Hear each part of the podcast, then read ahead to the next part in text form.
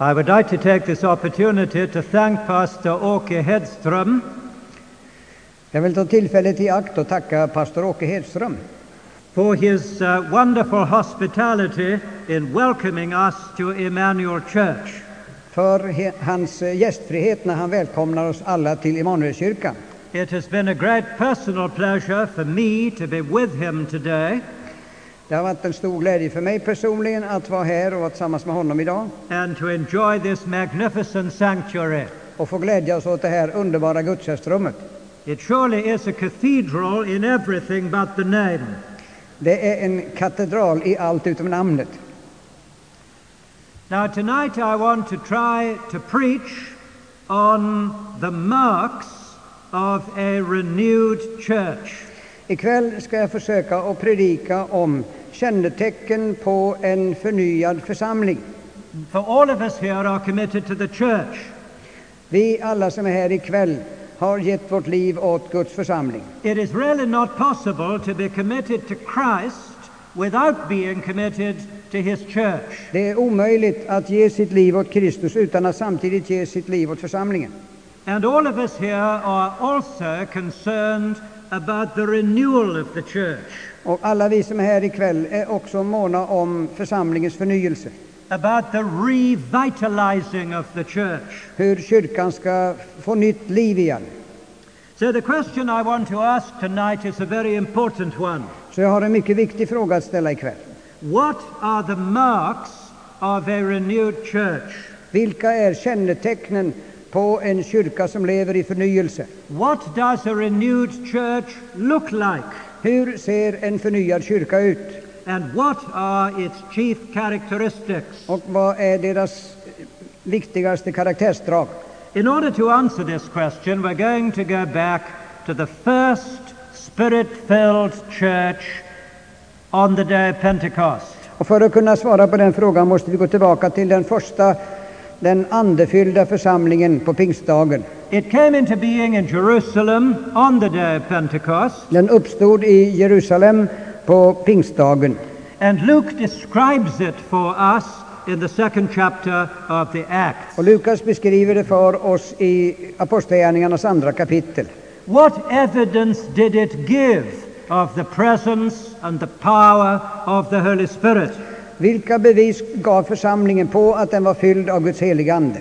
If we can answer that question, we shall be ready to answer another. Kan vi svara på den frågan, då har vi också svaret på, då är det möjligt för oss att besvara nästa fråga. And that is what are the marks of the presence and power of the Holy Spirit today? Det gäller alltså då, vilka kännetecken är det på Guds Andes verk i vår tid, i vår församling i vår tid? I want to suggest to you from this scripture tonight that there are four major marks of a renewed church. Jag vill säga att det finns fyra kännetecken på en förnyad församling. The first one is very surprising. Det första är ganska förvånansvärt. I don't think any of us would have chosen it. Jag tror inte att någon av oss skulle ha valt det som ett kännemärke. It is that a renewed church is a studying church, Den, en, en förnyad församling är en läraktig församling. Or a renewed church is a learning church. De, de är en församling som alltid är mån om att lära. I hope you have your Bible with you Hoppas ni har Bibeln med er, era and that you biblar. will turn to Acts chapter 2 and verse 42. Och då ber jag att du slår upp Apostlagärningarnas 2, vers 42. They devoted themselves to the apostles' teaching. Och de deltog troget i apostlarnas undervisning. That is the very first thing that Luke tells us Det det- about the Jerusalem church. Det är det allra första Lukas berättar om Jerusalemsförsamlingen. The Holy Spirit opened a school in Jerusalem on the day of Pentecost. Den helige Ande öppnade en skola i Jerusalem på pingstdagen. The school teachers were the apostles whom Jesus had appointed. Lärarna i den skolan var de apostlar som Jesus hade utsett. And there were 3,000 pupils in the kindergarten. Och det var 3000 elever i kindergarten. It was a remarkable situation. Vilken förunderlig Now, situation. please notice this very carefully. Ja, kom ihåg det här nu, lägg märke till detta. Those early spirit filled believers did not despise their intellect. Dessa nyomvända lärjungar kastar inte bort sitt intellekt, undervärderar inte sitt intellekt. They did not neglect theology. De eh, lämnar inte teologin åt sidan heller. They did not stop thinking. De slutar inte tänka. On the contrary, they devoted themselves to the teaching of the apostles. Utan tvärtom, de deltog troget i apostlarnas undervisning. They did not imagine that because they had received the Holy Spirit, He was the only teacher they needed. Det, de fick aldrig i sitt huvud att om de nu har fått Guds heliga ande som lärare så skulle de inte behöva något mer. They listened to the teaching of the apostles. Nej, de lyssnade till apostlarnas undervisning. They sat at the apostles' feet. De satt vid apostlarnas fötter. They were hungry to receive all the instruction they could. De längtade efter de kände hunger efter all information, all vägledning de kunde få. So anti-intellectualism and the fullness of the Holy Spirit are mutually incompatible. Så anti-intellektualism och helig andeuppfyllelse, de här två, de kan inte förenas. And the reason for that is that the Holy Spirit is the Spirit of truth. Därför att Guds ande är sanningens ande. That is what Jesus called him. Det är vad Jesus kallar anden. And wherever the Spirit of truth reigns, truth reigns with him. Och varhelst den, den helige ande finns, där finns sanningen. So this uh, authority of the apostles uh, was authenticated by miracles. Och denna apostlarnas auktoritet underströks av under och tecken som skedde. For we read in verse 43 that many signs and wonders were done through the apostles. Det står i den 43 versen, många under och tecken gjordes genom apostlarna. And this is one of the main purposes of miracles in the pages of the Bible. Och i Bibelns, på Bibelns blad så är tecken och under någonting som stryker under undervisningen. It was to authenticate fresh stages of revelation. Det var för att eh, bevisa dessa tidiga uppenbarelser som Gud gav apostlarna. So, how can we devote ourselves to the apostles' teaching today? Frågan är hur vi i vår tid kan troget delta i apostlarnas undervisning. Because we have to say that there are no apostles in the church today. För vi måste konstatera att det finns inga apostlar i, vår, i våra församlingar idag. Of course, there are bishops, Vi har biskopar, and there are superintendents, distriktsföreståndare, and there are pioneer missionaries, vi har pionjärmissionärer, and there are church planters. Vi har de som är pionjärarbetare, bygger nya kyrkor. And you could say that they are engaged in apostolic ministries. Och vi kan säga att de är i apostolisk tjänst. But I think it would be a mistake to call them apostles, Men det vore fel att kalla dem apostlar. for there is nobody in the church today with the authority of the apostle Paul or Peter or John. Det finns ingen enda i någon församling nu som har den auktoritet som Paulo, Paulus och Petrus och Johannes hade. If there were, we would have to add their teaching to the New Testament. Om de funnes så vore vi tvungna att lägga till deras undervisning utöver Nya Testamentet. And the whole church would have to believe and obey. Och då måste i kyrkan, församlingen i så fall, följa och lyda.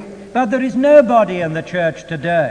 Men det finns ingen sådan ap- And the early Christian church understood the uniqueness of the apostles. Och den, tidiga, den första församlingen förstod apostlarnas unika ställning. So when the last apostle died, they knew that they had moved into a new situation. Så de visste att när den sista av apostlarna hade dött, då hade man förflyttat sig till en ny period i kyrkans historia. I think you will have heard of Bishop Ignatius of Syrian Antioch. Jag f- förmodar att ni hört om, om biskop Ignatius, som var biskop i vad var det? Syrian Antioch. Antioch i Syria. Uh, he is dated about 110 AD. Han eh, levde once more. He, he, his date, his date was about 110 AD. He died. died. Date, no, date, sorry. It's my bad English pronunciation, you understand. he is dated. His date. When was he born? 110. Well, No, no, he no. flourished. Han, hans, eh, vad ska vi säga? You must forgive me, it's my fault. No, no, no. I blame myself.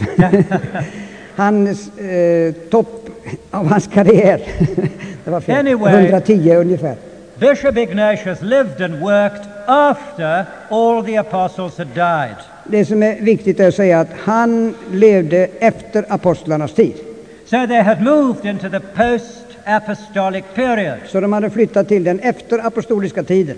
Ignatius was condemned to death as a Christian, Ignatius dömdes till döden för sin kristna tro. and he traveled from Antioch to Rome in order to be executed.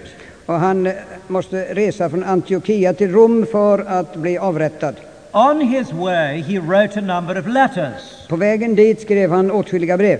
to the church in Rome and the church in Ephesus and the church in Smyrna. Församlingen i Rom, i Efesus, i Smyrna. And several of these letters have survived. Och en del av de breven finns kvar. And it's very interesting to read them today. Det är mycket intressant att läsa dem nu.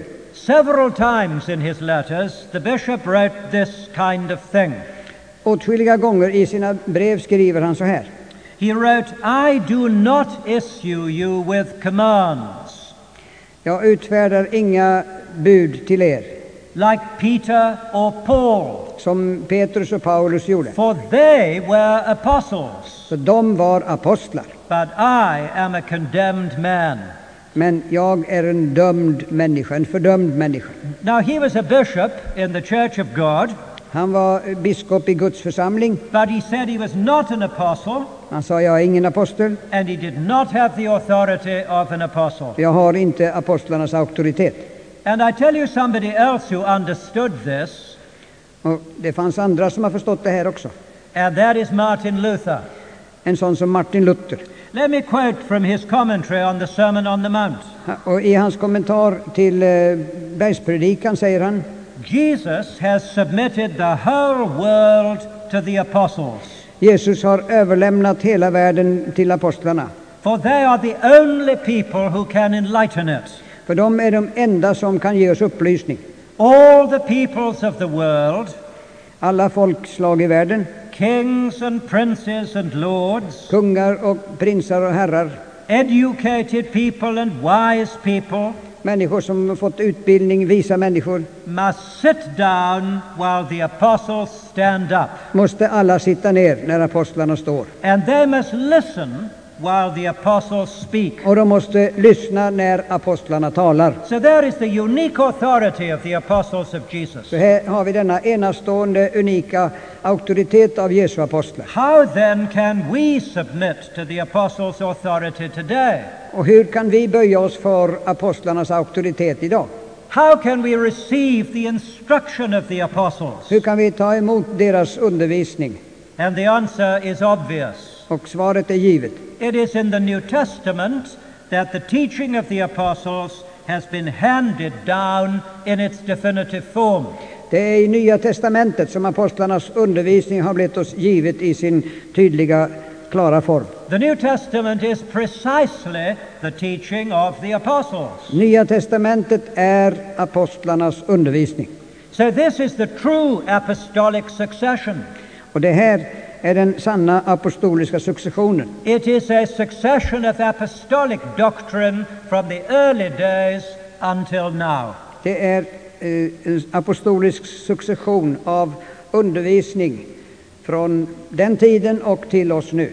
So, the first mark of a spirit filled church is that it is a biblical church. Så det första kännetecknet av en levande förnyad församling är att det är en biblisk församling. Its ministers expound the scriptures from the pulpit.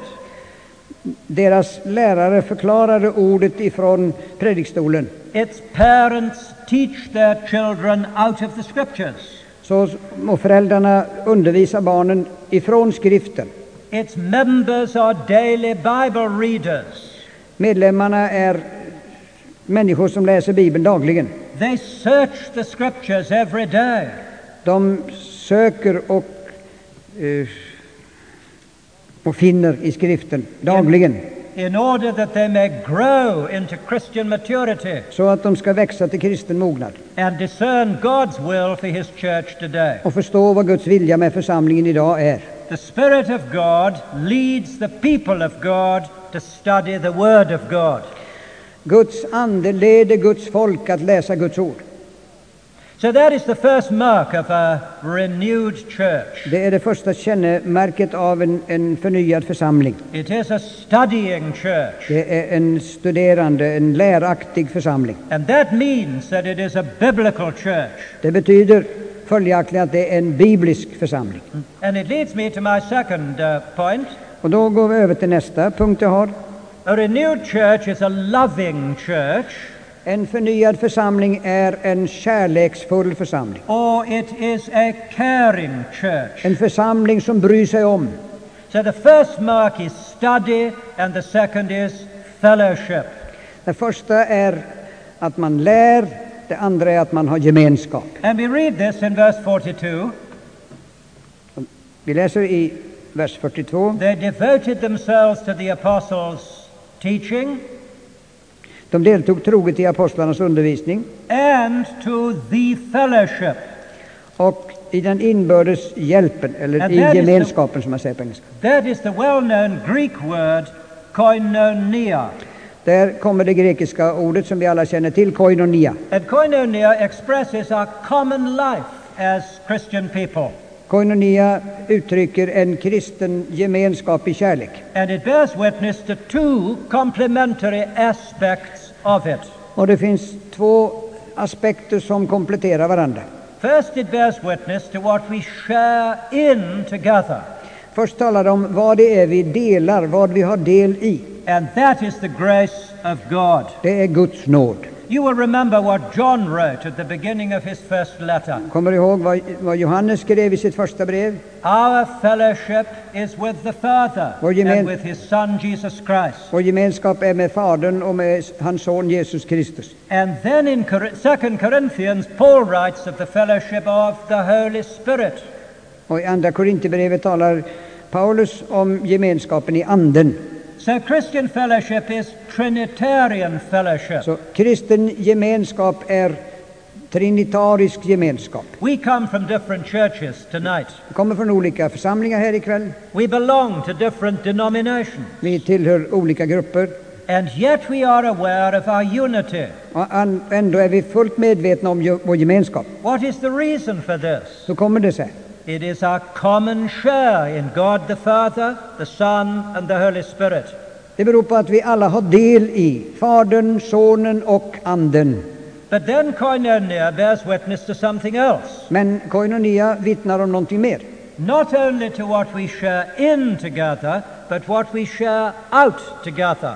Inte bara vad vi delar utan också vad vi delar ut. It expresses not only what we receive together, but what we give together. Uttrycker inte bara vad vi tar emot tillsammans utan vad vi ger ut tillsammans. Koinonia is the word that Paul used for the collection that he was organizing. När Paulus talar om insamlingen till eh, församlingen i Jerusalem så använder han ordet koinonia om insamling.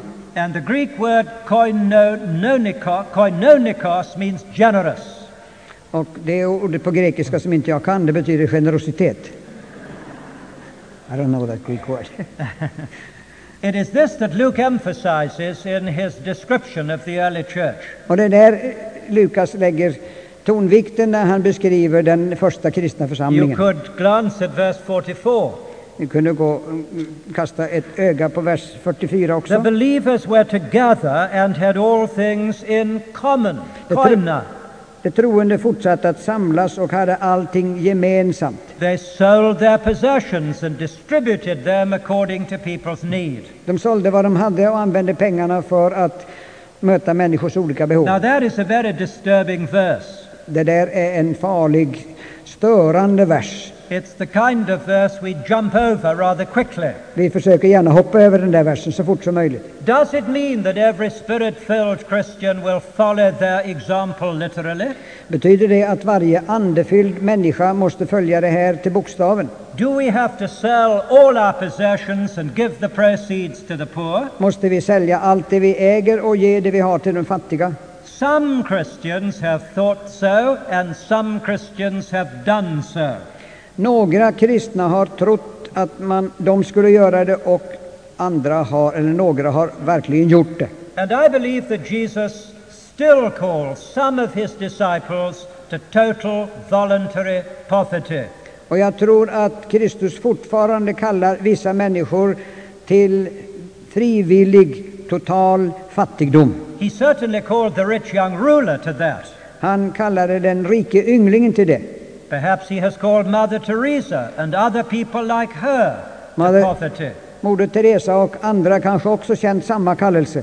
But not all the disciples of Jesus are called to total voluntary poverty. Men inte alla Jesu lärjungar har fått kallelsen till total fattigdom, frivillig fattigdom. The New Testament is quite clear about that. Nya testamentet är helt klar på den punkten. And the prohibition of private property is a Marxist doctrine, not a Christian one. Förbudet att ha privat egendom är en marxistisk teori, inte en kristen, inte en biblisk. Besides, the giving and the selling in Jerusalem were voluntary. Det, både säljandet och utdelning av gåvor i Jerusalem var helt frivilliga. And that is clear from the text. Det ser vi tydligt i texten. For we are told that they broke bread in one another's homes. Och vi läser här att de bröt bröd i, i varandras hem. But I thought they'd all sold their homes Vi, men hade de sålt, alla sålt sina hus så kunde de inte göra det. and their furniture Och då kunde de inte dela bröd heller. and their possessions. Och de hade alltså inte sålt alla sitt... apparently not. They still had homes in which they could meet. De hade fortfarande sina hem där de kunde mötas. And when we come to the sin of Ananias and Sapphira, När vi kommer till berättelsen om Ananias och Safira their sin was not that they were covetous, Deras synd var inte att de var giriga, but that they were deceitful. men att de försökte lura, They bedra. sold a property De sålde en fastighet, en and egendom, they brought a part of the proceeds to the apostles och de kom med en del av betalningen till apostlarna while pretending that they had brought it all. Och låtsades att de hade tagit, gett dem hela summan. As Peter put it, they lied to the Holy Spirit. Eller som Petrus sa, ni har ljugit för Guds heliga Ande. And then Peter said this to them Och då sa Petrus så här till dem, Before you sold your property, was it not your own? innan ni sålde er egendom, var det inte er egendom då? And after you sold it, was it not at your disposal? Och när ni hade sålt det, var inte pengarna då till ert förfogande? So there is clear apostolic teaching about our possessions. Så det är klar apostolisk undervisning om vår, våra ägodelar. They belong to us. De tillhör oss. We have to be good stewards of them Vi måste vara goda förvaltare av And- det vi har. and make a conscientious decision before God what we will do with them. Och måste göra vårt beslut med ett gott samvete inför Gud hur vi ska använda pengarna. Now, I think I hear sighs of relief through the congregation Ja, jag har en känsla av att det är en annan som suckar av befrielse här. because you were afraid that I was going to urge you to sell everything and give it away. Ni trodde kanske att jag skulle be er att sälja allt sammans och ge pengarna. Nevertheless, we must not escape the challenge of these verses. Men vi får inte gå förbi de här, den här bibeltextens utmaning. Those early Christians loved one another, Dessa, den första församlingens kristna älskade varandra. which is not surprising because the first fruit of the Spirit is love. Och det är inte så underligt eftersom Andens första frukt är kärlek. In particular, they cared for the poor in their midst. Och de var särskilt måna om att hjälpa de fattiga i deras krets. So they shared their possessions and their homes with their less fortunate sisters and brothers. Så de delade sina ägodelar och de öppnade sina hem för dessa minst bemedlade i gemenskapen. That principle is surely of permanent validity. Den principen är allmänt giltig i alla tider. I believe the Christian church should be the first community in the world in which poverty has been abolished. Kristi församling skulle vara den plats på jorden, första plats på jorden där fattigdom är avskaffad. Do you know the statistics of poverty? Känner ni till eh, fattigdomsstatistiken i världen? There are 1,000 million people in the world who are destitute. Det finns en miljard människor som lever i fattigdom nu. They lack the basic necessities for survival. De saknar det nödvändigaste för sin överlevnad. That is about one fifth of the population of the world. Det är en femtedel av världens totala befolkning. And you know the average number of people who die of starvation every day? Vet du hur många människor som genomsnittligt dör av hunger varje dag? It is reliably stated that the number is 10,000. Det är siffror som har verifierats och de säger 10 000 människor per How dag. can we live with these statistics? Hur kan vi leva med denna statistik? Many of the world's poor people are our sisters and brothers in Christ. Många av dessa som lever under de här förhållandena är våra systrar och bröder i Jesus Kristus. And we who live in affluence in the West must simplify our economic lifestyle. Och vi som bor i överflödet i, i västländerna, vi måste dela med oss av vårt överflöd till dem. Not because we think this will solve the problem, Inte för att vi tror att det kan lösa problemen, although it will help, men hjälper gör det. but rather out of solidarity with the poor. Men för att visa solidaritet, samhörighet med de fattiga. A renewed church is a generous church. En förnyad församling är en generös församling. It is a church with a tender social conscience. En församling med ett vaket, levande samvete. Generosity has always been a mark of the people of God. Generositet har alltid varit ett kännemärke på Guds folk. Our God is a generous God, Gud, vår Gud är en generös Gud and his people must be generous too. och hans folk måste vara generösa också. So far, we've looked at the two marks of a spirit filled church. Vi har hittills sett på två kännetecken på en andefylld församling. First, it is a studying church, and second, it is a caring church. Det är en lär, lärande, läraktig kör, kyrk, församling och det är en älskande, omtänksam församling. Now, thirdly, it is a worshipping church. För det tredje så är det en tillbedjande församling. We look back at verse 42. Vi ser på vers 42 en gång till. They devoted themselves to the breaking of the bread and the prayers. De deltog i apostlarnas undervisning och inbördeshjälpen i brödbrytandet och bönerna. The breaking of bread is probably a reference to the Holy Communion. Brödsbrytandet refererar antagligen till eh, nattvardsfirandet. though perhaps with a fellowship meal included. Möjligen hade man inkluderat en kärleksmåltid And the prayers means prayer services and prayer meetings. och bönerna, det betyder bönesamlingar, bönemöten. So the two expressions refer to the church's worship. Så båda de här eh, orden talar om gudstjänst, tillbedjan. I want to draw your attention to two characteristics of their worship. Och jag vill eh, tala om, om två karaktäristiska drag för deras gudstjänster, First, it was both formal and informal. Dessa gudstjänster var både formella och informella. That is to say, they worshipped both in the temple and in each other's homes. De hade gudstjänster både i templet och i hemmen. They did not immediately abandon the institutional church.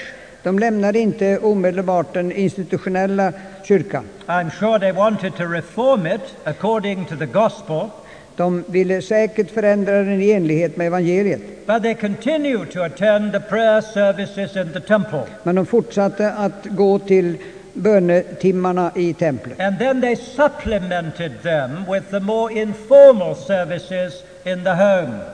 Och sen la man till de enskilda, de små bönemötena i hemmen. Det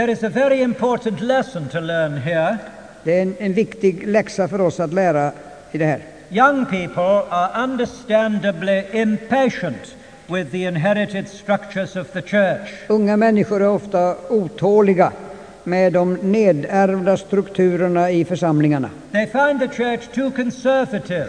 Kyrka, församlingen är för gammaldags, för konservativ. It is too resistant to change. Det har för många bromsar när det gäller förändringar. They know what the motto of the church is. De, de vet vad församlingens motto är. As it was in the beginning, is now, and ever shall be, So- world without end. Amen. Ja, försök översätta det. Som det har varit, som det är nu och som det alltid ska förbli. Det är församlingens motto, säger ungdomarna. Now we need to listen to the young people in the church. Vi ska lyssna till ungdomarna i våra församlingar. Every church council and committee should have representative young people on it. Varje kommitté, varje råd i församlingen ska ha unga medlemmar, unga representanter med. At the same time, we have something to say to young people, Men samtidigt har vi någonting att säga åt våra ungdomar. and that is that the Holy Spirit's way with the church is more the way of patient reform than of impatient rejection. Att eh, Guds ande verkar ofta med en stillsam förändring än med en häftig protest. So don't let's polarize between formality and informality.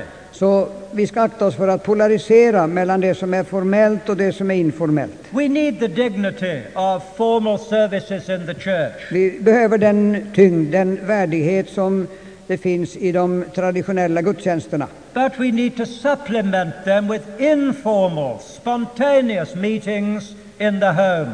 Men de behöver vid sin sida också de informella, fria gudstjänsterna i mindre format, informellt. So i that hemmen. is the first balance of the early church's worship. It was that- formal and informal. Det finns alltså en balans i den tidiga kristna församlingen mellan det formella och informella gudstjänsten. And secondly, it was both joyful and reverent. Och en, andra, en annan jämförelse är att de var både fyllda av glädje och fyllda av andakt. There is no doubt of their joy. Det, var, det finns inte något tvivel om deras glädje.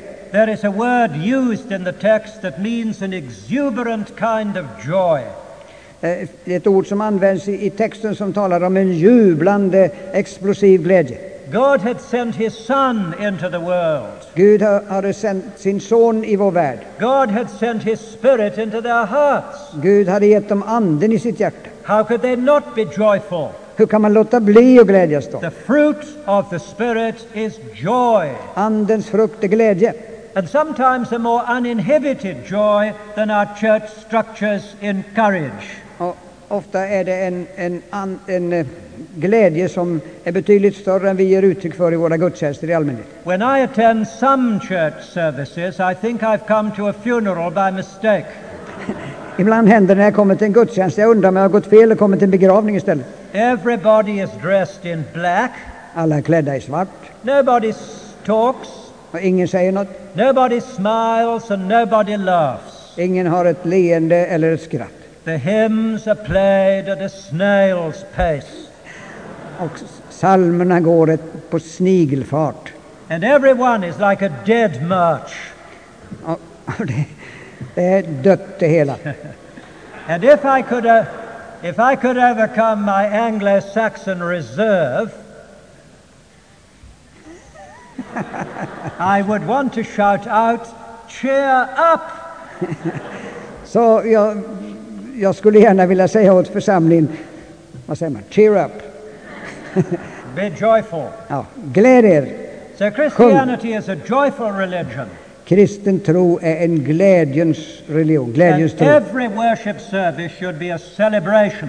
Och varje gudstjänst skulle vara en, en fest. But if joy is a mark of our worship, so is reverence.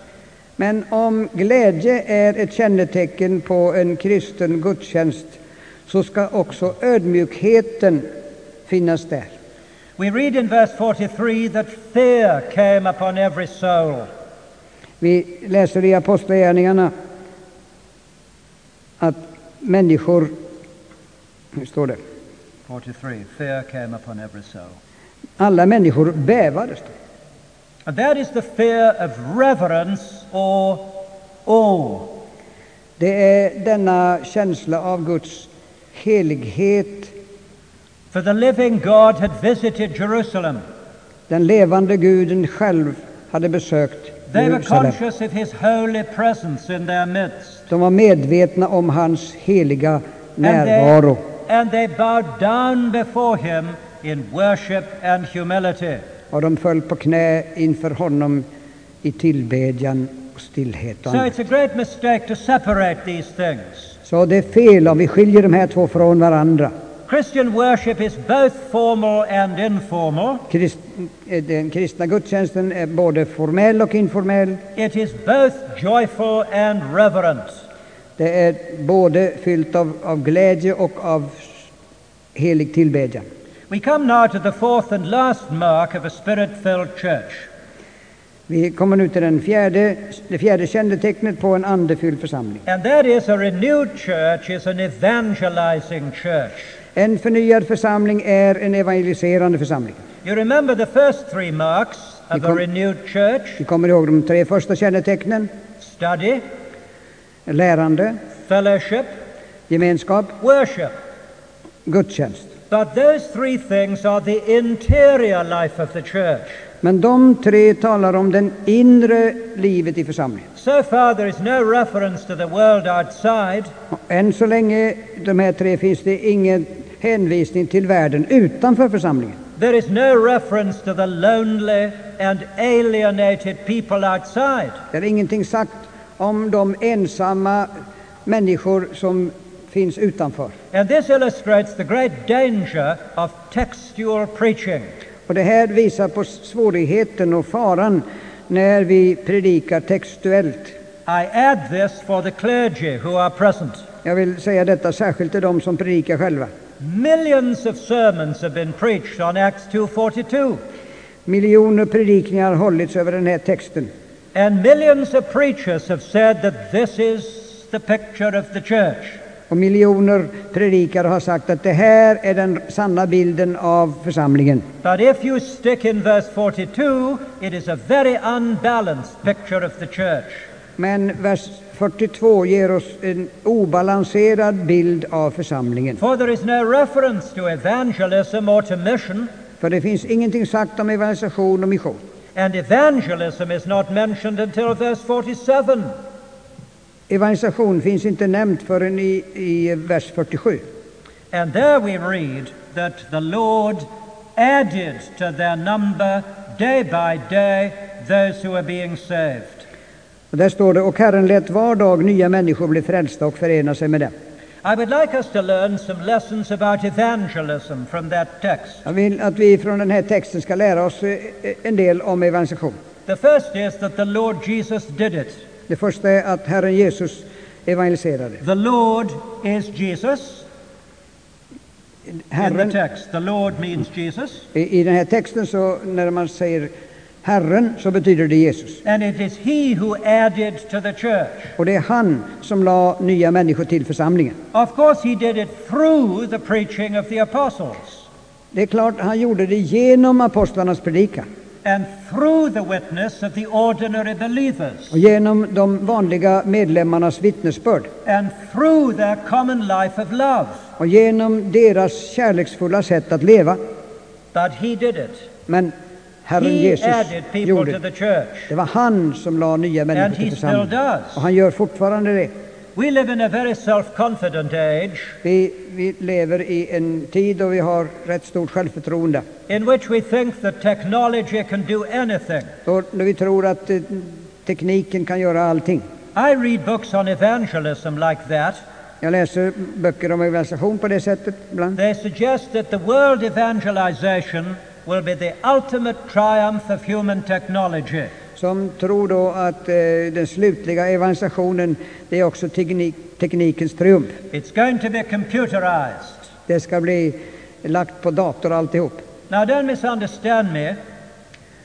Missförstå mig nu inte. We must use whatever technology God has given us, Vi ska använda all den teknik som Gud har gett oss. But we must also humble ourselves before Jesus Christ. Men vi måste ödmjuka oss inför Jesus Kristus. And we must acknowledge that nobody but He can add people to the church. Och vi måste lära oss att det är bara han som kan lägga människor till Guds församling. Then there is a second lesson. Det finns en, en läxa till att lära sig. What Jesus did was two things together. Det Jesus gjorde var två saker som går tillsammans. He added to the church those who are being saved. Han lade till församlingen de som blev frälsta. He didn't add them to the church without saving them. Han inneslöt dem inte, lade dem inte till församlingen utan att frälsa dem. And he didn't save them without adding them to the church. Och han frälste dem inte utan att ta in dem i församlingen. Salvation and church membership went together. Så frälsning och kyrko, församlingsmedlemskap går tillsammans. And they still do. De gör det, det gör det fortfarande. And then there is a third lesson to learn finns en tredje läxa att lära. that Jesus added people to the church day by day by day by day. Att Herren Jesus dag efter dag efter dag la till nya människor There are some churches that think evangelism is an occasional. Det finns eh, de församlingar som tror att evangelisation det är någonting som man gör vid ett visst tillfälle. They organize a mission in the local church every five or ten years. Då har man en väckelsekampanj var femte eller var tionde år. And when the mission is over, Och när kampanjen är slut, they sink back into their bourgeois mediocrity. och då kommer man tillbaka i sin borgerliga... Vad säger man? Slöhet. And there is no more evangelism for five or ten years. Och sen evangeliserar man inte på fem, tio år. But evangelism is the continuous outreach of the local church. Men evangelisation är det ständigt fortgående arbetet för att nå ut till And we should expect converts to be added every day. Och vi ska förvänta oss omvändelser varje dag. We need a much stronger expectation. Vi behöver denna längtan ständigt och jämt, dessa förväntningar. I know some churches that haven't had a convert for 10 years. Jag känner till församlingar som inte haft, sett en omvändelse på tio år. And if they got one, they wouldn't know what to do with him, her, or it. Och när, när vederbörande kom så visste de inte vad de skulle göra med honom eller henne. Eller det. So extraordinary would this phenomenon be to them. det var så ovanligt så de visste inte vad de skulle ta sig till. But we must expect regular conversions. Men vi måste förvänta oss ständigt pågående for Christ. När vi försöker nå vår samtid med evangeliet om Kristus. Nu måste jag försöka samla de här tankarna. I want to look back at our four marks of a renewed church. Jag vill repetera igen de här fyra kännemärkena. Have you noticed that they all concern our relationships? Har ni observerat att allt detta rör sig om våra relationer? First, these early Christians were related to the apostles. De första kristna var relaterade till apostlarna. They sat at the apostles' feet, De satt vid apostlarnas fötter, they listened to the apostles' instruction. de lyssnade till deras undervisning. A renewed church is an apostolic church, En förnyad församling är en apostolisk församling receiving the teaching of the apostles in the New Testament. som tar emot apostlarnas undervisning som vi har i Nya Testamentet. Secondly, they were related to one another. För andra så hade de relationer till varandra. They loved each other. De älskade varandra, They cared for and supported one another. de brydde sig om varandra, de stödde varandra. Thirdly, they were related to God. Och de hade relation till Gud. They worshipped God De tillbad honom, hade gudstjänst i templet och i hemmen with joy and with reverence. med glädje och med ödmjuk tillbedjan. And fourthly, they were related to the world outside. Och för det fjärde hade de relationer till folket utanför församlingen. They reached out into the community De nådde ut i samhället in order to bring people in to the för fellowship. att föra människor in i gemenskapen. Some years ago, I was visiting a city of Latin America. För några år sedan var jag på besök i en stad i Latinamerika. And I came across a very interesting group of students. Och jag träffade en, en intressant grupp av studenter. They told me that they had visited every church in their city, De sa vi har besökt varenda kyrka i den här stan. but they'd not been able to find what they were looking for. Men de hade inte funnit vad de sökte. So they dropped out. Så de höll sig They utanför. formed their own fellowship. Och de, så de bildade sin egen grupp. They called themselves in Spanish Cristianos Descolgados. De kallar sig själva på spanska för Cristianos descolgados. And that means unhooked Christians. Det betyder de som har lyfts ner ifrån kroken som en tavla ungefär. Because they dropped out and detached themselves from the church. För de flyttar ut sig själva ifrån kyrkan. So I was very curious what they had been looking for, which they had been unable to find. Så jag var väldigt nyfiken på att veta vad var det ni sökte som ni inte hade hittat där. And I was astonished to listen to them Och jag blev förvånad när de att höra på dem. because they went through the very four things that we have been considering tonight. Då nämnde de precis de här fyra sakerna som vi har talat om i, ikväll. First, they said we're looking for a preaching ministry Vi söker en, en predikande församling, in, tjänst, in which the Bible is related to the modern world. där Bibeln relateras till den värld vi lever i. Second, we're looking for a fellowship in which people love one another and support one another. Så vi har sökt en församling där man älskar varandra, där man tar hand om varandra, bryr sig om Thirdly, varandra. we're looking for a worshipping community in which the people bow down before the living God. Vi, söker en, en församling som tillber, där man böjer knä och lovsjunger Gud. And fourthly, we're looking for a church that reach out, reaches out compassionately into the community. Och vi söker en församling där man med kärlek och omsorg räck- sträcker sig ut för att nå människor i vårt samhälle. So the four marks that Luke describes in Acts 2 are exactly what young people are looking for in the church. Så de här fyra kännemärkena som vi har nämnt om här, det är precis det som ungdomarna söker. Biblical contemporary preaching, Biblisk eh, förkunnelse med anknytning till dagsläget. loving, caring, supportive fellowship, Kärleksfull, omtänksam gemenskap. living worship, En levande gudstjänst and a compassionate outreach into the community. och en brinnande omsorg om människor utanför församlingen. Now, the conclusion. Slutsatsen. There is no need for us to wait for the Holy Spirit to come. Det finns ingen som helst orsak för oss att vänta tills den heliga Ande kommer. He did come on the day of Pentecost, Han kom på pingstdagen. And he has never left the church. Han har aldrig lämnat församlingen sedan dess. But we need to humble ourselves before the sovereignty of the Holy Spirit. Men vi måste ödmjuka oss inför den helige Andes suveränitet. We need to seek his fullness and his direction. Vi behöver söka Andens fullhet och Andens ledning. For when the Holy Spirit is free to work in the church, För när den helige Ande har frihet att göra vad han vill i församlingen, these marks will be seen again. då kommer dessa kännetecken att synas igen. Biblical doctrine, Biblisk tros, loving Lära. fellowship, kärleksfull gemenskap, living worship, levande and gudstjänst, ongoing, outgoing evangelism. pågående evangelisation som når ut. May God renew our churches today. Må Gud förnya våra församlingar idag. Let us pray. Låt oss bedja.